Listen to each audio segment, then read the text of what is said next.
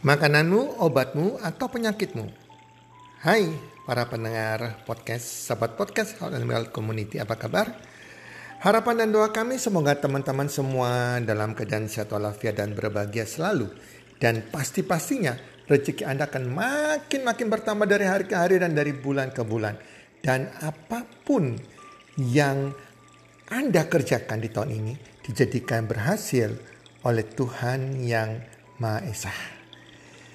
Oke teman-teman, di podcast kali ini kita belajar tentang kesehatan karena kesehatan itu sangat-sangat penting sekali dan merupakan harta yang gak ternilai. Setuju teman-teman ya? Oke, makananmu, obatmu, atau penyakitmu. Teman-teman, teman-teman kenal Hippocrates atau tidak?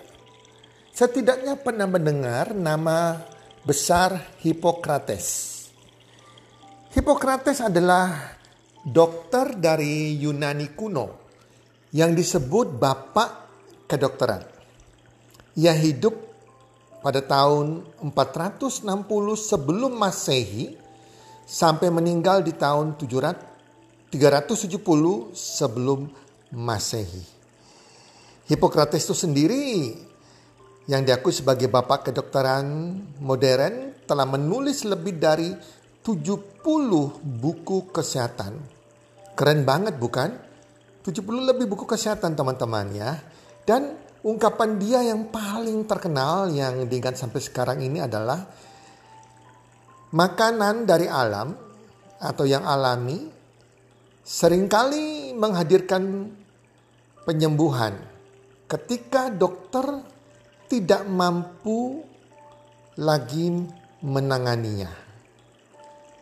Ya, itu dia katakan bahwa ya makanan kita ini apa yang kita makan akan menjadi kesehatan kita dan makanan kita ini juga yang akan menjadi obat kita untuk menyembuhkan sakit penyakit kita.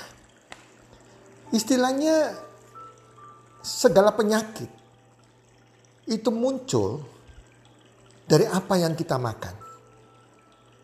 Itulah di pepatah Chinese ada yang mengatakan demikian di pepatah Chinese bahwa mulutmu itu penyakitmu. Apa yang kita makan lewat mulut kita, apakah itu makanan yang sehat, yang bersih, atau makanan yang tidak sehat, junk food, itulah yang akan menjadi penyakit kita yang timbulnya setelah bertahun-tahun maka dinamakan penyakit menahun. Jadi para anak-anak muda saat ini mungkin Anda belum merasakan penyakit yang timbul walaupun Anda makan dengan pola makan yang salah. Tetapi hati-hati karena ini adalah penyakit penahun. Mungkin munculnya setelah 10 tahun kemudian bahkan lebih dari itu. Dan itu akan menjadi sesuatu hal, sesuatu hal yang sulit diobati. Dan akan menyebabkan kematian teman-teman ya. Nah, Hippocrates mengatakan ada lima hal sebetulnya, lima hal penting yang disarankan oleh Hippocrates ribuan tahun yang lalu sebelum Masehi bahkan yang masih relevan sampai hari ini. Yang pertama adalah berjalan adalah bentuk olahraga yang paling sehat. Berjalan adalah bentuk olahraga yang paling sehat teman-teman. Jadi aktivitas fisik yang kita lakukan jangan banyak duduk tetapi usahakan banyak bergerak, banyak jalan. Itu sebagai dasar dari cara hidup sehat. Nah, di ahli nutrisi saat ini dianjurkan setiap orang kalau mau sehat, kalau Anda gak sempat olahraga ke gym, atau olahraga apa pun, usahakan. Usahakan setiap hari berjalan 10 ribu langkah minimal. Berjalan dengan gerakan jalan yang bukan jalan santai tapi jalan yang agak cepat sedikit. Sebanyak 10 ribu langkah minimal. Lebih-lebih bagus lagi. Dan saat ini kan sudah ada yang namanya uh, jam pengukur langkah kita, Anda bisa beli jam yang kita bisa pakai ya atau aplikasi yang bisa mengukur langkah-langkah kita setiap hari. Usahakan 10 ribu langkah setiap hari atau sekitar satu jam kita berjalan tanpa putus dalam satu hari. Nah, yang kedua, penyakit bisa menyerang setiap orang karena stres. Jadi, beliau sudah mengatakan bahwa stres ini adalah pemicu penyakit yang membuat penyakit gampang berkembang biak kalau kita stres. Hati-hati teman-teman ya, jadi di zaman modern ini kadang orang tuh suka stres. Tetapi karena sudah stres berhari-hari, berbulan-bulan, bertahun-tahun, mereka tidak sadar kalau mereka stres. Karena stres sudah menjadi bagian hidup mereka. Anda harus bisa mengelola stres kalau Anda tidak mau timbul penyakit di jangka panjang nantinya. Stres bisa disebabkan karena hubungan yang tidak baik antara pasangan suami istri, bahkan di antara orang berpacaran. Berselisih, putus jadi stres. Berhari-hari bahkan kepanjangan antara menantu dan mertua, antara anak dan orang tua, antara sesama saudara, sesama teman. Jadi hubungan yang tidak baik teman-teman. Yang kedua adalah masalah karir, masalah pekerjaan, masalah penghasilan membuat kita stres. Membuat kita stres. Dan juga yang kadang kita nggak sadari, kalau Anda kurang tidur, tidurnya melebihi di atas jam 11. Biasanya anak-anak muda suka begadang, pikir masih muda, masih sehat. Itu hati-hati tubuh Anda stres teman-teman. Organ-organ tubuh Anda stres. Ini akan menyebabkan daya tahan tubuh Anda menurun dari waktu ke waktu. Dan itu akan menjadi sebuah bom waktu beberapa tahun kemudian. Kurang tidur hati-hati ya ataupun masalah-masalah yang lain yang bisa membuat Anda stres. Contohnya, stres juga ini bisa memunculkan yang namanya diabetes kita lebih tinggi, darah tinggi kita lebih naik lagi, dan lain-lain. Jadi kalau kita tahu stres ini bisa memicu masalah, memicu penyakit diabetes, darah tinggi, jantung kita juga mengalami gangguan dan lain-lain, usahakan kita harus kontrol stres. Anda lebih dekatkan diri dengan Tuhan yang Maha Esa, serahkan semua beban Anda kepada Tuhan dan berpikir kepada solusi. Jangan berpikir kepada masalah. Anda harus punya iman di agama Anda masing-masing dan percaya bahwa Tuhan yang Maha Esa itu lebih besar dari masalah yang Anda miliki. Dan selalu ada solusi dari setiap persoalan. Cuma kitanya sendiri yang tidak mau cari solusinya. Kitanya sendiri yang kurang beriman. Kitanya sendiri melihat masalah kita seakan-akan besar banget. Seakan paling besar. Kita mengasihi diri sendiri. Dan akhirnya timbul stres. Kita lupa kalau Tuhan itu lebih besar dari masalah kita. Tidak ada masalah, tidak ada solusi. Tidak ada penyakit yang tidak bisa disembuhkan. Setuju teman-teman? Oke, yang ketiga. Apa yang Anda masukkan dalam tubuh Anda lewat mulut Anda akan jadi penyakit Anda. Kita sadari bahwa orang kalau sudah mulai gemuk, diabetes, eh, kegemukan, wow itu sudah memunculkan berbagai penyakit kalau kita gemuk. Kalori menumpuk dalam tubuh kita. Mulai penyakit diabetes, penyakit ginjal, penyakit jantung, dan berbagai macam penyakit yang lain, liver dan lain-lain. Nah, kegemukan timbul dari mana? Dari apa yang kita makan, apa yang kita masukkan di dalam tubuh kita lewat mulut kita. Ya, sesuatu yang kalorinya berlebihan yang tubuh nggak butuhkan. Apalagi kalau kita makan junk food, makanan yang not clean, yang tidak sehat Wow kalorinya kan banyak sekali.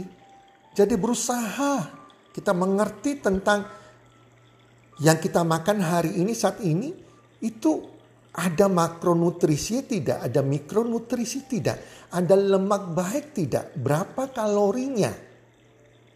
Kalori yang masuk harus seimbang dengan kalori yang keluar. Kalau kita mau menurunkan berat badan, kalori yang masuk dari makanan kita makan itu, ya kurangi karbohidrat dan teman-temannya. Kalori yang masuk harus lebih sedikit dari kalori yang keluar di mana kita beraktivitas, kita berolahraga. Ya, jadi Anda harus tahu berapa kalori yang masuk, berapa kalori harus Anda keluarkan. Jangan sampai kita terjadi kegemukan. Ya, tahu juga setiap makanan berapa kalorinya. Kalau kita mau sehat ya, mau sembuh ya sudah. Perhatikan apa pun yang kita makan. Makan yang bersih, makan yang sehat, makan yang tubuh butuh, butuhkan. Hindari gula-gula, hindari segala macam karbohidrat. Ya, hindari goreng-gorengan, hindari tepung-tepungan, hindari semua makanan yang mengandung gula, minuman mengandung gula. Hindari makanan yang sudah diproses, hindari makanan mengandung bahan kimia, bahan pengawet, bahan pewarna, hindari vicin, MSG segala macam. Kita banyak makan buah, sayur, biji-bijian yang dari alam. Yang sifatnya basah teman-teman karena tubuh kita sifatnya basah atau alkali. Tubuh kita pH tubuh kita 7,35. Dan kita harus makanan yang makan makanan sifatnya basah bukan sifatnya asam. Kita harus hindari alkohol, hindari rokok, hindari segala macam makanan minuman yang sifatnya asam. Ya, hindari gula gorengan, hindari garam berlebihan, ya, karbohidrat berlebihan dan lain-lain, ya. Yang keempat, gula dan turunannya jika dikonsumsi berlebihan ataupun tidak terkontrol akan menyebabkan masalah penyakit di kemudian hari. Nah, jelas teman-teman, jadi hati-hati dengan makanan yang sifatnya asam. Semakin kita makan makanan sifatnya asam, itu akan menimbulkan penyakit. Makanan sifatnya asam apa? Ya segala sesuatu yang memakai bahan kimia. Segala sesuatu yang sudah diproses. Yang dari alam diproses. Yang tidak sehat. Apa misalnya? Gula itu sudah diproses. Beras pun sudah diproses. Karbohidrat ini. Ya tepung. Kita makan segala kue, roti-rotian. Itu sudah lewati proses ini ini sudah sudah sesuatu yang tidak baik. Sifatnya adalah asam. Ya, kemudian juga kita makan obat-obatan itu bahan kimia, sifatnya asam. Semua bahan kimia, bahan pewarna, ya, bahan pengawet itu sifatnya asam semuanya. Harus hati-hati. Daging merah itu sifatnya asam. Kopi sifatnya asam. Teh sifatnya asam. Kecuali teh hijau. Sifatnya basah atau alkali. Jadi kalau kita makan makanan lagi yang sudah diproses, minyak goreng yang pakai berkali-kali. Terus kemudian juga goreng-gorengan kita makan banyak. Wow, Anda makan makanan tiap hari sifatnya asam. Junk food itu sifatnya asam semua. Minuman yang mengandung gula, soft drink segala macam, minuman minuman, makanan, kalengan, botolan, kemasan, semua itu sifatnya adalah asam. Cek, Anda tiap hari makan sifatnya asam atau sifatnya basah? Mana lebih banyak? Kalau sifatnya asam yang banyak, artinya lama kelemahan pH tubuh Anda yang sifatnya basah alkali 7,35 akan makin turun. Menjadi 7 makin turun menjadi di bawah tujuh itu sudah lampu kuning. Karena kalau pH tubuh kita sudah sifatnya asam, sudah di bawah tujuh, mendekati enam, itu sudah lampu kuning. Hati-hati. Anda harus cepat merubah pola makan Anda. Banyak makan makanan sifatnya basah, kembalikan sifat basahnya. Jelas teman-teman, karena pada waktu situasi di darah Anda sifatnya asam karena pH tubuh Anda asam, maka yang terjadi adalah di situlah virus berkembang biak dengan cepat. Radikal bebas berkembang biak dengan cepat. Di situlah berbagai penyakit muncul. Bahkan virus Omikron, virus ya apa pun itu ya itu akan berkembang biak pada waktu darah kita sifatnya asam. Orang kalau sudah di bawah tujuh, sudah lampu kuning, mereka gampang menurun daya tahan tubuh. Gampang flu, gampang bersin-bersin. Nah itu sudah tanda-tandanya teman-teman. Ya, Jadi hati-hati teman-teman. Virus yang ada situasi saat ini, yang kita hadapi saat ini, itu akan berkembang biak pada waktu darah kita sifatnya asam. Kalau sudah antara 5 turun makin antara 6 sampai 5 di situlah orang diabetes. Jadi kalau Anda cek orang yang sudah kena diabetes itu darahnya sifatnya asam. Anda cek. Ceknya gampang, bisa cek di laboratorium. Ya, Anda kasih urin Anda, nanti lab akan cek pH tubuh Anda. Itu pasti pH tubuh Anda kalau diabetes antara 5 sampai 6. Nah, makin turun lagi makin asam. Wow, teman-teman. Pada waktu orang tua saya, almarhum papa saya kena cancer, pH tubuhnya karena kanker itu empat teman-teman. Itu membuktikan sekali. Jadi kita bisa cek. Banyak orang lupa pada waktu dia cek kesehatan di laboratorium, mereka tidak pernah cek pH karena ini ada bidang nutrisi. Dokter kadang tidak pernah memasuki era ini. Nah, teman-teman harus tahu, kalau kita alangkah baiknya Anda memiliki yang namanya pH meter sendiri. Anda bisa beli di toko online, Tokopedia atau yang lain, Anda cari pH meter. Ya, itu alat mengukur pH tubuh Anda lewat kencing Anda. Jadi Anda bisa tes setiap kali Anda kencing dengan pola makan Anda. Kalau pH Anda sudah mulai asam, rubah pola makan Anda secepatnya, kembalikan ke sifat basah. Dan ada jalan termudah salah satunya di samping kita merubah pola makan kita menjadi pola makan yang pola makan makanan sifatnya basah, makanan sifatnya basah apa? Yaitu pertama air minum kita. Air putih yang sehat itu sifatnya basah. Jadi kita harus setiap jam minum air. Satu hari sekitar 2-3 liter. Sehingga darah kita senantiasa lancar dan sifatnya basah. Sehingga penyakit, virus segala macam gak mudah berkembang biak dalam tubuh kita. Yang kedua, Anda mulai makanan makan makanan sifatnya basah, yaitu makanan dari alam.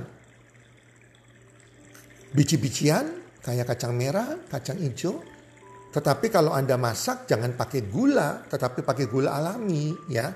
Gula aren misalnya atau gula dari daun serv, uh, daun daun yang mengandung gula ya ataupun dari gula-gula alami lainnya. Atau dari Tropicana Slim punya gula yang sugar free, no kalori. Nah, jadi buah-buahan, sayur mayur itu sifatnya basah. Demikian juga kalau daging-dagingan itu hanya daging putih, daging ayam sifatnya basah, ikan sifatnya basah. Tapi usahakan kalau digoreng pakai minyak goreng sekali pakai, karena kalau dipakai berkali-kali ya jadi asam minyak gorengnya. Jelas teman-teman ya, teh hijau sifatnya basah. Dan Anda bisa bantu juga, Anda bisa beli di apotek atau di to, di marketplace sodium bikarbonat. Sodium bikarbonat murah kok satu botol cuma sekitar uh, eh, 15 ribuan.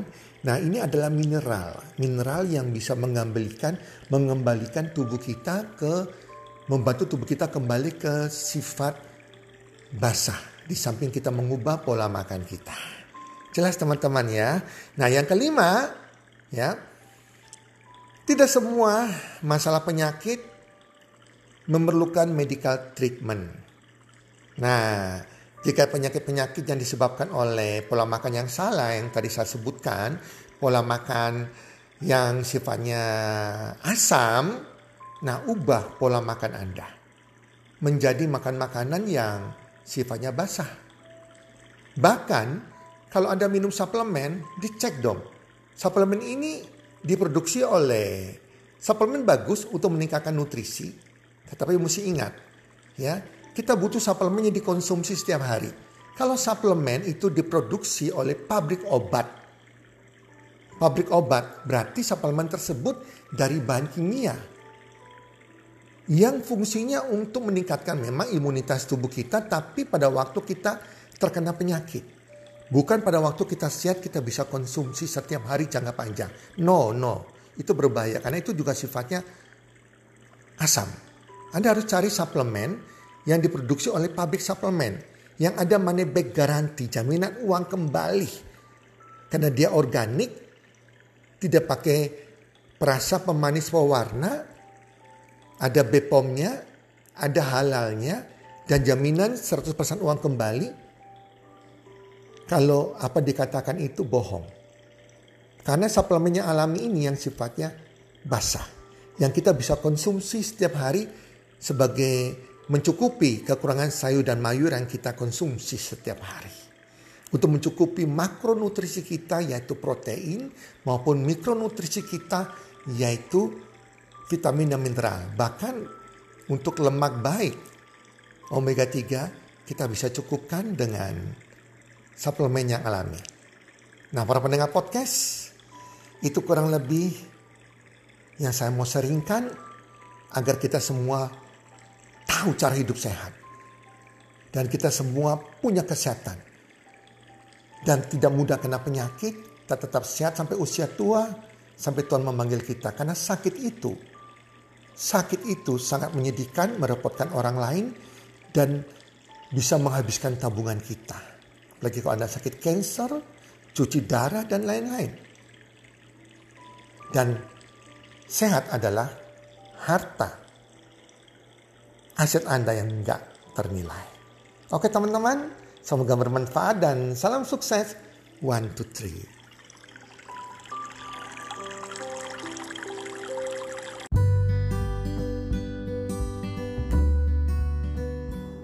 Terima kasih sudah mendengarkan podcast kami.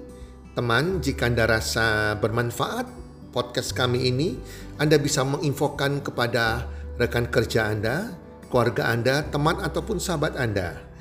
Dan jika ada hal-hal yang Anda ingin tanyakan kepada kami ataupun topik-topik apa yang Anda ingin kami bawakan, kami sampaikan, Anda bisa DM kami di Instagram kami healthcommunity id.